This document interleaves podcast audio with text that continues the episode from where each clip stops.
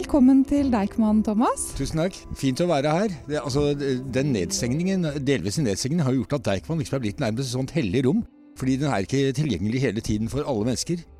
Så det nye Deichman har jo aldri liksom vært totalt tilgjengelig for alle. Og det gjør at det er ekstra stas å komme hit. Og hvilken bok skal vi finne nå? Det er James Joyces roman 'Ulysses' fra 1922. Som regnes som en av de viktigste romanene i det 20. århundret. Og jeg tror de som sier det, har helt rett. Den har i hvert fall betydd veldig mye for meg.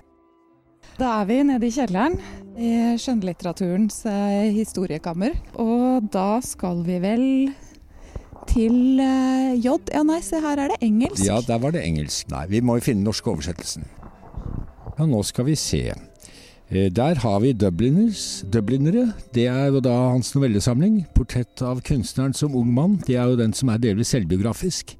Og så er Ulysses her, i to bind.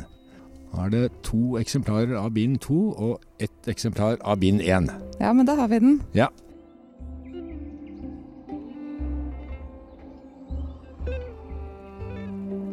Du hører på Deichman-podkasten Utlånt til der inviterte gjester forteller om en utvalgt bok som har hatt en spesiell betydning i livet. Mitt navn er Kaja, og jeg jobber med program og formidling på Deichman. Dagens gjest er sosialantropolog Thomas Hylland Eriksen. Velkommen hit til oss på biblioteket, Thomas. Tusen takk skal du ha. Du er professor ved Universitetet i Oslo. Har gitt ut en rekke bøker. Og så er du kanskje landets mest kjente sosialantropolog. Og i dag så har du altså valgt deg en bok eh, som har betydd mye for deg. 'Ulysses' av James Joyce. Ja. Dette er jo en av verdenslitteraturens store, tunge klassikere, som kanskje kan være litt mye å starte på da, for nye lesere. Mm. Kunne du ha gitt oss en liten historikk først? Det kan jeg godt. James Joyce han produserte ikke veldig mye. Han skrev et skuespill, et par diktsamlinger, og så var det fire prosabøker. Det var en novellesamling, Dubliners, og så var det en, nærmest en selvbiografisk roman som het Portrait of the Artist as a Young Man. Og så kom Ulysses en del år senere, og til slutt var det altså Finnegans Wake, som mange mener er den mest uleselige boken i, i vestlig litteratur. Mens Ulysses er ikke uleselig. Den er ekstremt kompleks. Han jobbet jo med den i flere år, i flere land. Han levde i eksil. Han flyktet sammen med sin kjæreste og etter hvert kone Nora Barnacle fra, fra Dublin i 1904. Og handlingen i Ulysses finner sted i 1904. 16. juni, som da feires i Irland nå som Bloomsday, og av Joyce-entusiaster over hele verden. Som den dagen eh, som hele Ulysses altså utspiller seg. Og det er, jo, det er jo en fantastisk prestasjon altså å skrive en bok på over 700 sider som tar for seg en relativt begivenhetsløs, vanlig dag hvor en jødisk annonseselger ved navn Leopold Bloom flakker omkring i Dublin litt formålsløst og gjør sånne ting som han gjør, og alle mulige tanker far gjennom hodet hans, mens hans kone Nora Nei, hun heter jo ikke Nora, hun heter Molly. Det er jo ikke Joyce, dette her. Hun er hjemme. Og den andre hovedpersonen, Steven Dideløs, er en ung, ung, mann som vel er det nærmeste vi kommer Joyces alter ego, tror jeg. Og de opplever ikke så forferdelig mye. Boken er kronologisk. Han begynner om morgenen, og så slutter den sent på kvelden idet Molly er i ferd med å sovne, og vi får hennes berømte indre monolog. Det er ikke en uleselig bok. Den er morsom, det er masse humor, det er masse ordspill, det er veldig mye frodig kreativitet, og det er tydelig at han har hatt det veldig moro mens han har skrevet den. Og den er skrevet med mange lag, det er mange referanser, det er mange stilnivåer, og når du har lest en del i Ulysses, så er kanskje språket ditt blitt litt rikere, og du ser verden også som et mer spennende sted. Og så er den jo gitt ut i deler. Ja, og det var vel noe han gjorde fordi han var nødt til å tjene penger. Altså Joyce var veldig dårlig med sin private økonomi, så det var nok derfor han ikke utga den som et helt verk, men deler av den kom da som en slags føljetong i, i, et tidsskrift i USA. Men så ble boken utgitt, men den ble ikke utgitt i Storbritannia og ikke i Irland, for det var litt for mye si, obskøniteter der, og litt lurvete ting. Det er jo skildringer der av både onani og sex og folk som går på do og gjør unevnelige ting i stor detalj, så den ble utgitt av Shakespeare Company som jo var en veldig viktig litterær entreprenør, ikke minst for engelskspråklige forfattere i Paris i mellomkrigstiden, i 1922. Mm. Og den ble sensurert, og den kom i flere utgaver. Og det har vært masse diskusjoner om hva som er den ekte Ulysses, og hvilket manuskript man skal følge. Og det er ikke en diskusjon som kommer til å bli avsluttet, for Joyce reviderte jo manuskriptet hele tiden. Så mm. sånn sett er det jo liksom en palimpsest, vet du. Altså det, det, det, er lag på lag der. Og hver gang han gikk gjennom manus, så kom han på ting, for han hadde jo et ekstremt assosiativt intellekt, så han kom alltid på nye ting han måtte føye til. Så boken ble i en viss forstand aldri ferdig. Mm. Men eh, den utgaven som er oversatt til norsk av eh, Olav Angel, Eh, og den utgaven jeg har fra Penguin, eh, som jeg også har med meg her i dag, det er de utgavene som de fleste forholder seg til. Hvordan kom eh, Ulysses inn i ditt liv, da? Altså, jeg vokste opp på 70-tallet 70 og tidlig 80-tall og var opptatt av engelsk litteratur. Og Altså begynte å lese noen Huxley, Orwell og, og, noen av disse mer kjente i slutten av tenårene. og Så gikk jeg videre og begynte å lese V.S. Naipaul, og så kom Salman Rushdie med 'Midnattsbarn'. Eh, og så fikk jeg en veldig sterk forkjærlighet for Anthony Burgess, som etter min mening er en undervurdert forfatter. Eh, og han var eh, veldig begeistret for Joyce. Og hadde skrevet to bøker om Joyce, og, og, viste til Joyce mange ganger, både direkte og indirekte. Så jeg skjønte jo da at jeg måtte jo før eller siden gi meg i kast med den store mesteren, og så hadde det seg slik at i 1986 var jeg på feltarbeid på Mauritius. Og Der var det sånn at folk la seg tidlig om kvelden, så det skjedde ikke så mye etter klokken ni. Og da hadde jeg veldig mye tid. Jeg så gjennom feltnotatene mine, men så hadde jeg fremdeles noen timer jeg var nødt til å fylle med et eller annet. Så jeg meldte meg inn i British Council og begynte å låne bøker der. Og da lånte jeg Ulysses, og satt da som kveldene eh, i tropenatten på Mauritius og leste Ulysses. Og det var en god ting for meg å gjøre, fordi man trenger mye sammenhengende, langsom tid for å fordøye et sånt massivt verk. Så det satte seg litt i kroppen, den boken. Kanskje på grunn av situasjonen jeg leste den i. Hvordan var det for deg som ung antropolog å møte den boka? Jeg synes det passet godt med antropologi, og den utfyller antropologien. fordi du kan si at når Vi jobber, altså vi, vi sosialantropologer vi studerer jo det menneskelige mangfold. Og vi sier jo sier med den romerske poeten Terence at intet menneske skal være oss fremmed. ikke sant? Vi vil studere alt mulig og vise hele det menneskelige mangfold. Men vi kan ikke gå inn i hodene til folk. Det har vi ikke lov til å gjøre. Vi vet egentlig ikke hva de tenker. Og det kan du gjøre som romanforfatter. Så Joyce begynner på en måte der antropologien slutter, men han viderefører det samme prosjektet, nemlig å vise rikdommen og mangfoldet i den menneskelige tilværelse. Og gjennom da, som sagt, helt alminnelige mennesker. Det er jo det som er noe av ironien her. Det er et stort, enormt intellektuelt uh, verk. ikke sant? Det er en enorm kraftanstrengelse å skrive en sånn bok på alle plan. Uh, og så handler den altså om to tre relativt vanlige folk som, eh, som flakker omkring eh, en dag i, i, Dublin. Men han går så dypt inn i deres liv at én eh, dag for de to, det er 700 sider. ikke sant? Så bare et lite øyeblikk. Jeg tenker på det av og til når jeg leser Molly Blooms refleksjoner før hun sovner, hennes stream of consciousness før hun sovner om kvelden. Mm. Hvor lang tid tar det egentlig å tenke alle disse tankene som far gjennom hodet hennes? Kanskje ikke mer enn et minutt, men det er mange sider i boken. Og det er godt gjort. Å gjøre noe stort ut av noe lite. Og på vår enkle måte prøver vi å gjøre det sosialantropologi også, men vi, ikke, vi, når jo ikke Joyce til anklene, selvfølgelig, med hensyn til den dybdepsykologien hans og språklige kreativiteten. Da må vi høre litt fra boka. Ja, altså det er mange ting jeg kan lese herfra. Eh, men jeg har lyst til å begynne med jeg, Ok, så leser jeg noe på engelsk først. Og det er et uh, avsnitt her det er der hvor vi først møter Bloom. Og husk på at Han er jo da, han er liksom Odyssevs. ikke sant? Altså Ulysses er jo det latinske navnet på Odyssevs, og boken er strukturert omtrent som Odysseen. Men den er på en måte en parodi på Odysseen, fordi Ulysses, Odyssevs han var jo en ordentlig helt. Han var ute på havet. Det tok ham ti år å komme tilbake. Og da hadde han kjempet mot kykloper og motstått sirenene sang osv. Mm. Mens Bloom er en ganske vanlig annonseakvisitør som eh, bare er borte én dag Eh, og opplever da ikke så forferdelig mye, men vi møter ham da om morgenen på kjøkkenet, hvor han går og tenker på ting han liker. Mr. Leopold Bloom ate with relish the inner organs of beasts and fowls. He liked thick giblet soup, nutty gizzards, a stuffed roast heart, liver slices fried with crust crumbs, fried hencots roes, most of all, he liked grilled mutton kidneys, which gave to his palate a fine tang of faintly scented urine. Altså, ikke sant? Den skildringen av innmat er for meg eh, på høyde med liksom, det beste som noensinne har vært skrevet. Og, og særlig avslutningen. Nyrer, urin, fordi nyrene renser jo de, de, de jo, har, Det er jo litt igjen i, av urin i nyrene. Og jeg har aldri siden klart å tenke på eller spise nyrer uten å tenke på denne setningen. Så dette er bare en bitte liten smakebit på hvordan eh, Joyce går inn i uh, tankestrømmen til folk. Og hvor presis han kan være. Og setter ord på ting som ingen andre har beskrevet før.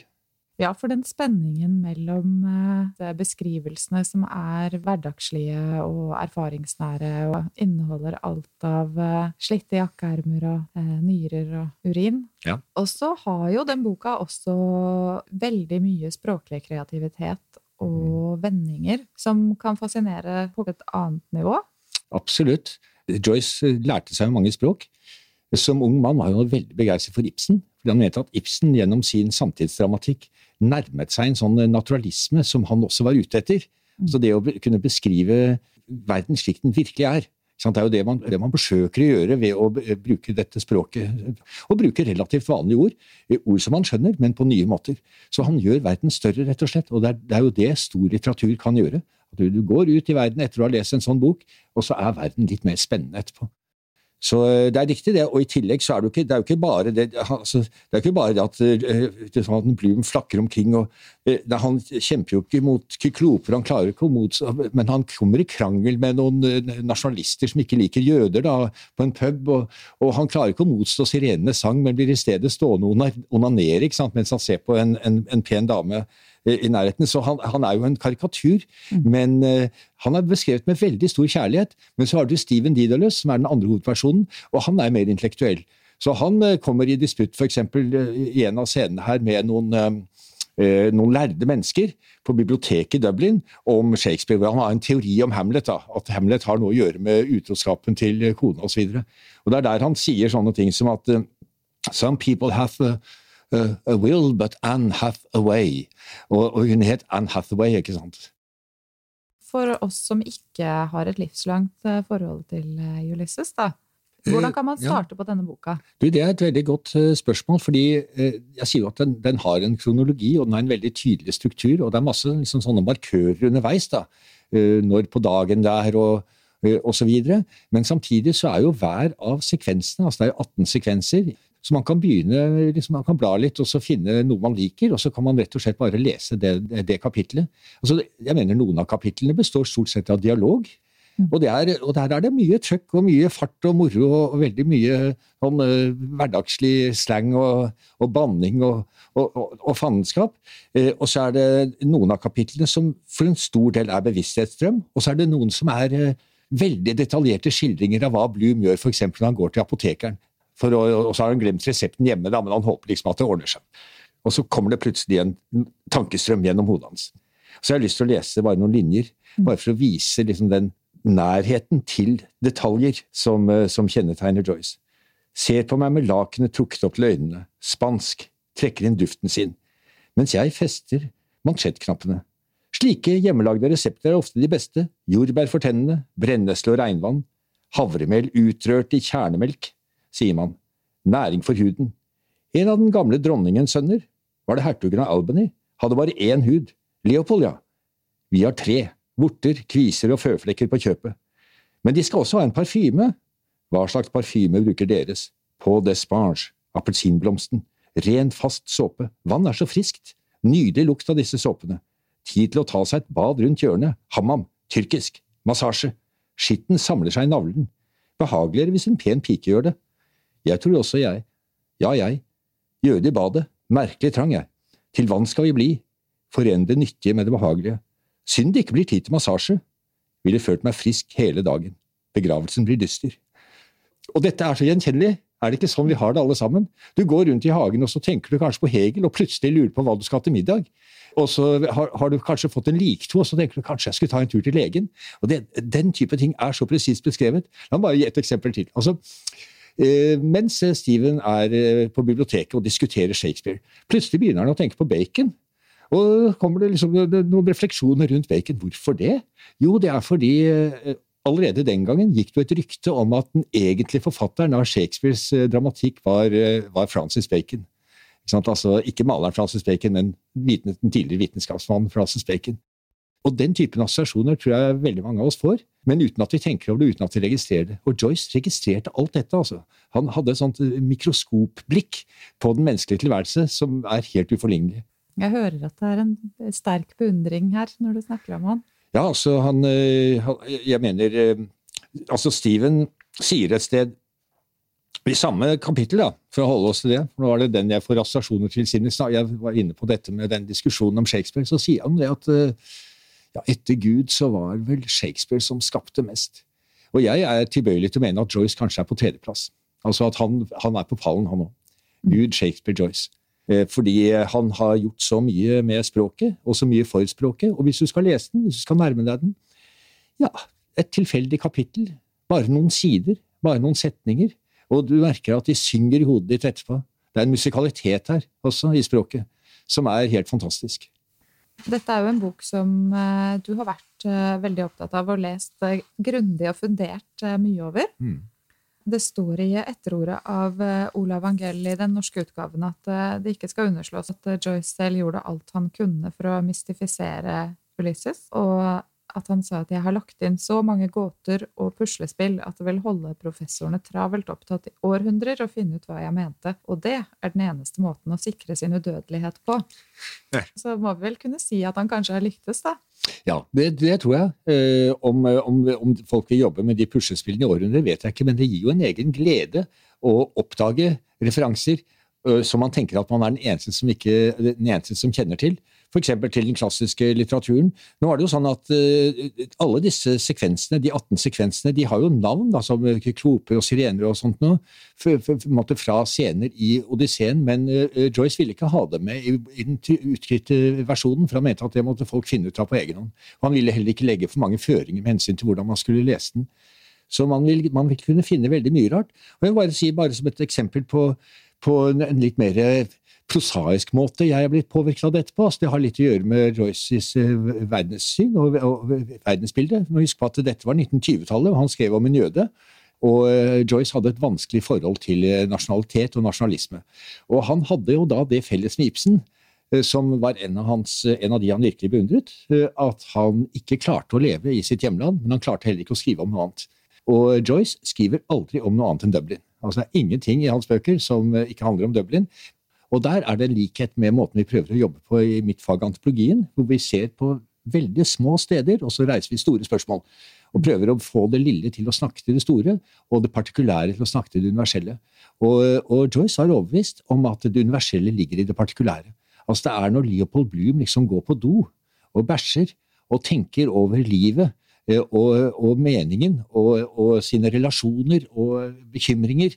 Og han har jo en utro kone, og det har han jo en mistanke om, osv. Eh, det er der, det er i slike situasjoner vi ser det universelt menneskelige. Mm. Eh, og, og det, det syns jeg han Det beskriver han fantastisk. Dette er jo en bok som har fulgt deg, da. Hva er det som gjør at du stadig kommer tilbake til den? Det er språket. Eh, det er det at du, du, du våkner litt språklig, og du innser at eh, du innser at du har noe å strekke deg etter. Mm. Og du håper at du blir litt smittet, men også det at eh, du, du får en rikere verden. Altså det er noe av det jeg mener litteraturen gjør. Altså Litteratur handler veldig mye om språket. Det trenger ikke å være maksimalistisk. Altså Joyce, Ulysses og Finningens Wake det er maksimalistiske bøker. Og Jeg blir også dratt mot den type bøker selv, det må jeg innrømme store, episke romaner som inneholder veldig mye, og som har mange lag og, og gjerne mange personer. Litt som at jeg, jeg, liker egentlig Malers symfonier bedre enn kammermusikk. ikke sant? Innenfor uh, rytmisk musikk så er det progrock liksom, som gjelder for meg, og der, der er det, jo, det er også maksimalistisk. Det er, sånn, det er ti folk i studio, og de spiller ti forskjellige instrumenter, men når man sitter ved miksepulten og tenker man ja, kanskje vi skulle legge på en fiolin, ja, hvorfor ikke litt vibrafon, osv., og, så videre, og så kommer det enda flere lag. Det er en sånn bok ikke sant, med flere lag. så den, Det er også noe av det som, eh, som tiltrekker meg, at den er en labyrint og en mastodont. og, og er, når, du, når, du, går inn i den labyrinten, så vet du ikke helt hvor utgangen er. Og hvis du ikke trives med det, så er det andre bøker som gjelder. Så, så jeg, jeg, sier ikke at det bare er eh, store, episke bøker. altså Små, tynne, intense bøker. De kan også gjøre noe av det samme. Men det de gjør, det er at de, de, gjør noe med den verden du lever i, fordi de gjør den større. nettopp det som jeg har kommet tilbake til flere ganger i løpet av denne samtalen. Altså, det er vanlige folk, det er en vanlig dag. Det er 16. juni 1904 i Dublin. Og det er en uh, provinsby i utkanten av Europa, og det skjer ikke noe spesielt den dagen. Og likevel klarer han altså å skape magi. Altså, det, er type, det er en type magi. Det er tryllestøv som han drysser over den byen og får den til å bli så levende. Så Joyce mente selv det, var ute av stand til å finne på noe. Men tryllestøvet hans består altså i at han gir liv til uh, dagligdagse, hverdagslige situasjoner og får dem til å skinne. Mm. Og det er mye humor. Det er også en måte å lese Joyce på. Let etter vitsene. Det er, mye, det er mye av det også. Ja, for jeg sitter og tenker sånn Hvor begynner livet, og eh, hvor slutter litteraturen, eller omvendt? Ja. Men litteraturen kan være større enn livet, men den kan også gjøre livet større. Eh, og det er jo det som kjennetegner de virkelig store bøkene. Altså at du, du, befinner deg i en slags dialog med dem. Og det handler ikke om de store tingene. Det er ikke krig og fred. ikke sant? Det er ikke dramatiske som sagt, det er ikke dramatiske hendelser, men det er nettopp det å altså Det vi kaller mindfulness, tilstedeværelse. Eh, det å ha mikroskopet tilgjengelig, sånn at du oppdager de små tingene. Eh, jeg har en venn som som er opptatt av sånne ting i naturen. og Når du prøver å gå tur med ham, så er det nesten helt umulig, for han stopper liksom etter ti meter og ser seg omkring. Og ser på de små plantene og, og, og insektene osv. Og, så og du vet, hvis du har den evnen, så er det ingenting som blir kjedelig. Så det er også en måte, det er også en måte å se eh, Joyces eh, arbeid på. Altså, Det er en hyllest til livet. Altså, fordi han, han sier er at ingenting er kjedelig. Vi må bare finne ordene uh, og, og sette på det, og da kan vi få alt til å skinne det små og det store. Ja. Og det meste er det små, det lille. Det er eh, i hans tilfelle åssen skal jeg få betalt husleien? ikke sant? Hvordan går det med datteren min? Han hadde en datter som hadde psykiske problemer.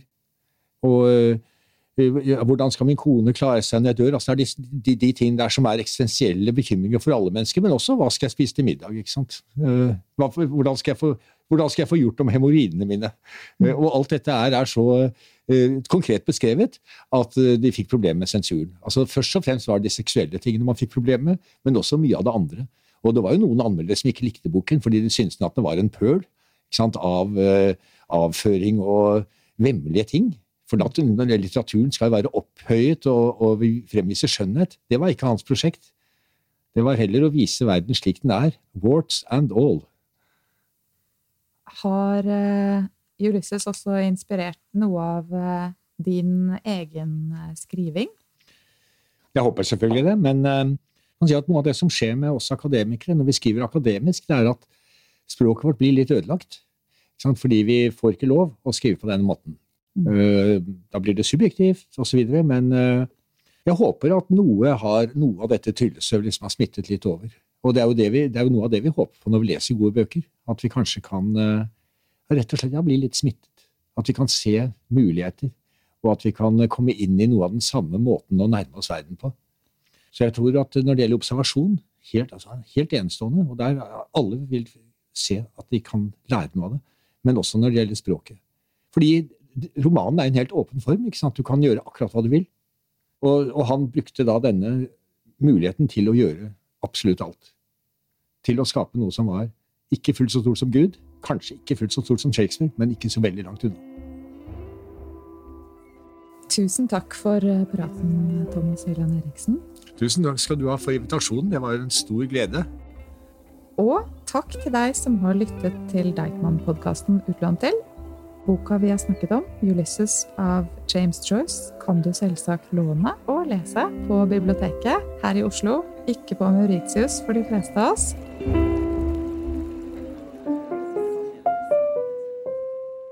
Dette er en podkast fra Deichman, hele Oslos folkebibliotek.